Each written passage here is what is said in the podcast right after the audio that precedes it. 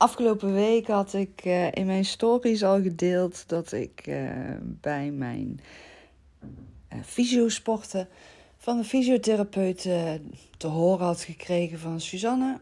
Het is goed als jij eens meedoet met mindfulness training. ik dacht echt, nou daar heb ik dus echt geen zin in. Maar um, ja, hij zei van ja, weet je, het is gewoon goed voor jou om daar gewoon wel eens aan mee te doen. Dus nou oké, ik doe daar dan aan mee na het sporten. Dus ik uh, was uh, goed bezweet. En ik ging daar zitten en ik vergat natuurlijk weer om een uh, vestje aan te doen na het sporten. Dus uiteindelijk kreeg ik het hartstikke koud. En was ik met duizend en één andere dingen bezig dan met die mindfulness training. Ja, en daar gaat het dan dus om, hè? Duizend en één andere dingen waar je mee bezig bent. In plaats van dat je bezig bent met dat wat je aan het doen bent. En ehm, ja, uiteindelijk hadden we het daar zo over. En toen kwam ik voor mezelf wel tot een inzicht. En daar wil ik het vandaag met jou over gaan hebben. Welkom bij de podcast Kinderopvang in de Praktijk. Ik ben Suzanne Akkermans en ik neem jou graag in deze podcast mee in de dagelijkse praktijk van de kinderopvang. Alles wat te maken heeft met de praktische uitvoering in de kinderopvang. En of dat nou gaat over leiding geven, coachen, ondernemen of het pedagogisch handelen. Alles komt aan bod. En de ene keer praat ik wat meer over het coachen, de andere keer wat meer over het ondernemerschap en dan weer iets meer over het pedagogisch handelen. Deze podcast, um, ja, die gaat dus over mindfulness in de kinderopvang. Naar aanleiding van mijn eigen ervaringen met de mindfulness training tijdens het sporten. Uh, of nou ja, na het sporten. Want ik kwam dus tot een inzicht uh, toen ik uh, daar zat. eigenlijk dankzij een, een mede-deelnemer aan de mindfulness training. En die vertelde van ik ga mijn kind meer mindful eten geven. Dus dat ik dan niet nog tien andere dingen tegelijkertijd aan het doen ben, maar echt volledig gefocust ben op het eten geven van mijn kind. En toen die deelnemer dat zei, toen viel er bij mij een kwartje. Toen dacht ik: Oh, maar wacht even. Als ik aan het werk ben in de kinderopvang met kinderen, ben ik volledig met mijn aandacht, mijn focus, mijn gevoel aanwezig in het moment. Dan ben ik niet bezig met alles wat ik nog meer eromheen moet doen. Het enige waar ik dan mee bezig ben, zijn de kinderen en de pedagogisch medewerkers. En ik had ook ineens voor mezelf weer dat bewustwordingsmomentje van: oh ja, maar dit is ook wat ik in de babytraining uh, over les geef ook. Over bewust aanwezig zijn bij dat wat je aan het doen bent met de kinderen. En ik heb het ook al vaker benoemd in andere podcastafleveringen. Dat je echt aanwezig bent in het moment. En zeker de overgangsmomenten in de kinderopvang zijn daar heel erg um, ja, toepasselijk voor, om maar zo te noemen. Um, hè, dus als, je, uh, als die pedagogisch medewerkers de kinderen uit bed halen. Ja, wat zie je dan? Hè? Ik moet er gewoon van zuchten even. Want zo vaak is het dan snel een kindje uit bed halen, snel een kindje verschonen, ondertussen met de collega's praten. Uh, ondertussen nog even een, uh, een beker op de aanrecht zetten in de keuken. Um, kleertjes pakken uit een bakje voor het kindje wat uit bed komt. Um, ergens op reageren. Maar hoeveel aandacht heb je dan voor het kindje wat je in je armen vast hebt? En het mooie was dat ik had dus afgelopen woensdag had ik zelf die mindfulness training. En woensdagmiddag had ik een uh, online training over communiceren met baby's. En daarin kwam ook weer naar voren dat het zo belangrijk is dat je de signalen herkent van baby's uh, die ze geven vanuit hun non-verbale reacties. Dus wat ze echt met hun lichaamstaal laten zien. En het was ook wel heel interessant en ook echt zo'n geheugenopfrismomentje voor mij. En ik heb heel vaak van die geheugenopfrismomenten. Zoveel uh, wat ik dan hoor en lees en zie. Dat ik denk van, oh ja, dat wist ik, ja. En dat, dat verdwijnt dan gewoon even naar de achtergrond. Omdat je er gewoon even niet meer bewust mee bezig bent. Dus ja, in dat opzicht had ik echt uh, woensdag voor mezelf ook weer zo'n gevoel van: oh fijn. Die mindfulness training is gewoon waardevol geweest. Want ik ben er toch weer voor mezelf bewust van geworden dat ik inderdaad in mijn werk heel mindful in het nu bezig ben met alles. En echt gefocust ben op alles wat ik aan het doen ben. Zeker als ik omringd ben door kinderen en pedagogisch medewerkers. Ehm, maar als je mij aan een bureau neerzet, ja, dan ben ik heel snel afgeleid. Tenzij ik dan dus echt weer bezig ben met bijvoorbeeld opdrachten maken voor pedagogisch medewerkers, verslagen lezen. Ehm, alles waar echt, ehm, ja, wat, wat mij in mijn gevoel heel sterk aanspreekt, daarin ben ik echt heel erg gefocust in het moment bezig. Maar als ik mijn boekhouding moet doen, ja, heb ik echt een hekel aan. Uh, als ik, uh, weet je, je hebt ook wel eens gewoon administratieve werkzaamheden die je moet doen. Vind ik gewoon niet leuk. Uh, technische dingen voor het online ondernemerschap vind ik echt niet leuk. Dus de meeste van die dingen die besteed ik ook gewoon uit inmiddels. Omdat ik daar gewoon, ja, gewoon mijn focus niet bij kan houden. Maar in het dagelijks leven, ja, hoe mindful ben je dan bezig hè, met alles wat je aan het doen bent? En ik kan bijvoorbeeld. Uh, ik heb gisteravond voor de eerste keer een podcast in mijn auto opgenomen.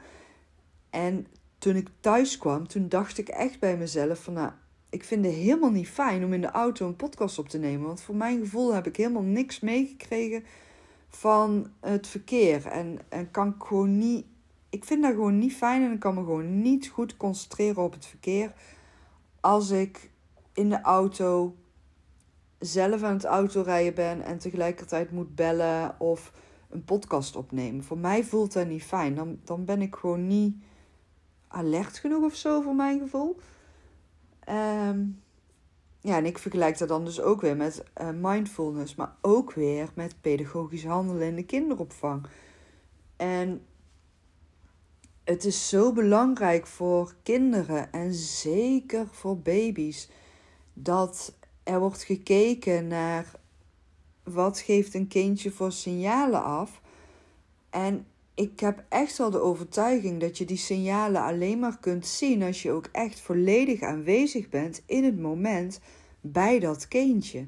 En daarmee wil ik echt niet zeggen dat je dan niet meer kunt schakelen op de rest van de kinderen in de groep. Nee, absoluut niet. Dat is niet wat ik bedoel. Maar het is wel heel belangrijk dat als jij een babytje benadert in een bedje, op de commode, in de box, op de grond, voordat je een kindje gaat aanraken en gaat optillen, dat je eerst zorgt van oké, ben ik aanwezig nu? Ben ik echt met mijn gedachten bij dit kindje? En welke signalen zie ik bij dit kindje? Want zeker kleine baby's, die kunnen enorm schrikken van onverwachte aanrakingen. Ik heb het al vaker benoemd. En dat geeft bij baby's ook echt weer een stressreactie. En ja, voor kleine babytjes een stressreactie is echt in het nadeel van hun hersenontwikkeling. Dus ook weer in het nadeel van hun ontwikkelingen. En ja, wat ik wel heel mooi vond aan die uh, training communiceren met baby's, die ik uh, afgelopen woensdagmiddag heb gevolgd van uh, Jessica Boerema. Um, zij liet ook beelden zien vanuit het ziekenhuis. Dus kindjes die te vroeg geboren waren of kindjes met medische achtergronden. En um, kijk, we zien dat ook in de kinderopvang. We, we hebben allemaal wel dat we ooit uh, baby's in de groep hebben waarvan we zeggen dat is zo'n rustig, tevreden kindje. Daar heb je echt geen omkijken naar. Die huilt niet, die hoor je heel de dag niet. Moet je echt opletten dat je die niet vergeet. Dan is het, vind ik, heel interessant om te gaan kijken: is dat kindje ook echt daadwerkelijk heel tevreden? Want als kindjes heel stil aanwezig zijn en nergens op reageren en zich nooit laten horen, betekent dat echt niet altijd dat een kindje ook echt tevreden is. Want kinderen kunnen ook op die leeftijd gaan bevriezen. En met bevriezen bedoel ik, ze laten zichzelf niet horen, niet zien. Ehm, ze zijn echt stil. En een kindje kan dan echt vanuit ehm, te weinig aandacht, te weinig juiste aandacht, te weinig gezien voelen, te weinig veilig en vertrouwd voelen, uh, stil gaan zijn. Dan is het dus heel belangrijk dat jij signalen gaat leren herkennen van een baby. En die signalen ook op de juiste manier gaat interpreteren. Dus die signalen op de juiste manier gaan vertalen, gaan begrijpen. Dat is onwijs belangrijk wanneer je werkzaam bent met baby's in de groep. En om die signalen op de juiste manier te kunnen zien en kunnen gaan vertalen en gaan begrijpen, moet je echt tijd daarvoor nemen. Echt bewust aanwezig zijn bij het kindje en niet het kindje oppakken uit de box, niks tegen het kindje zeggen en weer neerleggen op de commode, gaan verschonen, ondertussen met een collega praten, ondertussen reageren op alle andere kinderen in de groep, ondertussen kleertjes aandoen, luier verschonen, uh, kindje weer oppakken en kindje weer wegleggen. En ik vind dat daarin voor een pedagogisch coach een hele belangrijke rol in zit om daar echt gericht op te gaan letten en op te gaan observeren en in te gaan coachen van oké, maar weet je, sta nu eens even stil. Bevries dat moment van die pedagogisch medewerker. En ga dan vragen stellen. Wat ben je nu allemaal aan het doen bij dit kindje? Welke reacties zie jij bij het kindje? En alleen al die twee vragen gaan bijdragen aan bewustwording. Want het komt heel vaak voor dat de pedagogisch medewerker dan denkt: uh, ja. En dan valt er een stilte en dan weten ze het vaak niet, omdat ze zo druk bezig zijn. En dat druk bezig zijn, dat mag echt omgedraaid gaan worden in rustig, vanuit plezier, vanuit rust, vanuit de signalen herkennen en begrijpen en adequaat op reageren en inspelen. Vanuit die manier inspelen op dat wat een baby laat zien. Vanuit rust, vanuit plezier, vanuit volledig aanwezig zijn, mindfulness dus. In het hier en nu aanwezig zijn bij de kinderen in de groep. En dat kan super makkelijk. Maar het is echt zo belangrijk. Weet je, ik, ik hoorde bij de ehm, training communiceren met baby's, woensdagmiddag ook, uh, dat er werd gezegd van, uh, nou weet je, ga die videobeelden eens analyseren. Uh, van die baby die dus in beeld werd gebracht en, en wat er allemaal werd gedaan met de baby, maar ook hoe de baby dus reageerde op alle handelingen ik vind dat ook een onwijs mooie oefening om te doen in de kinderopvang.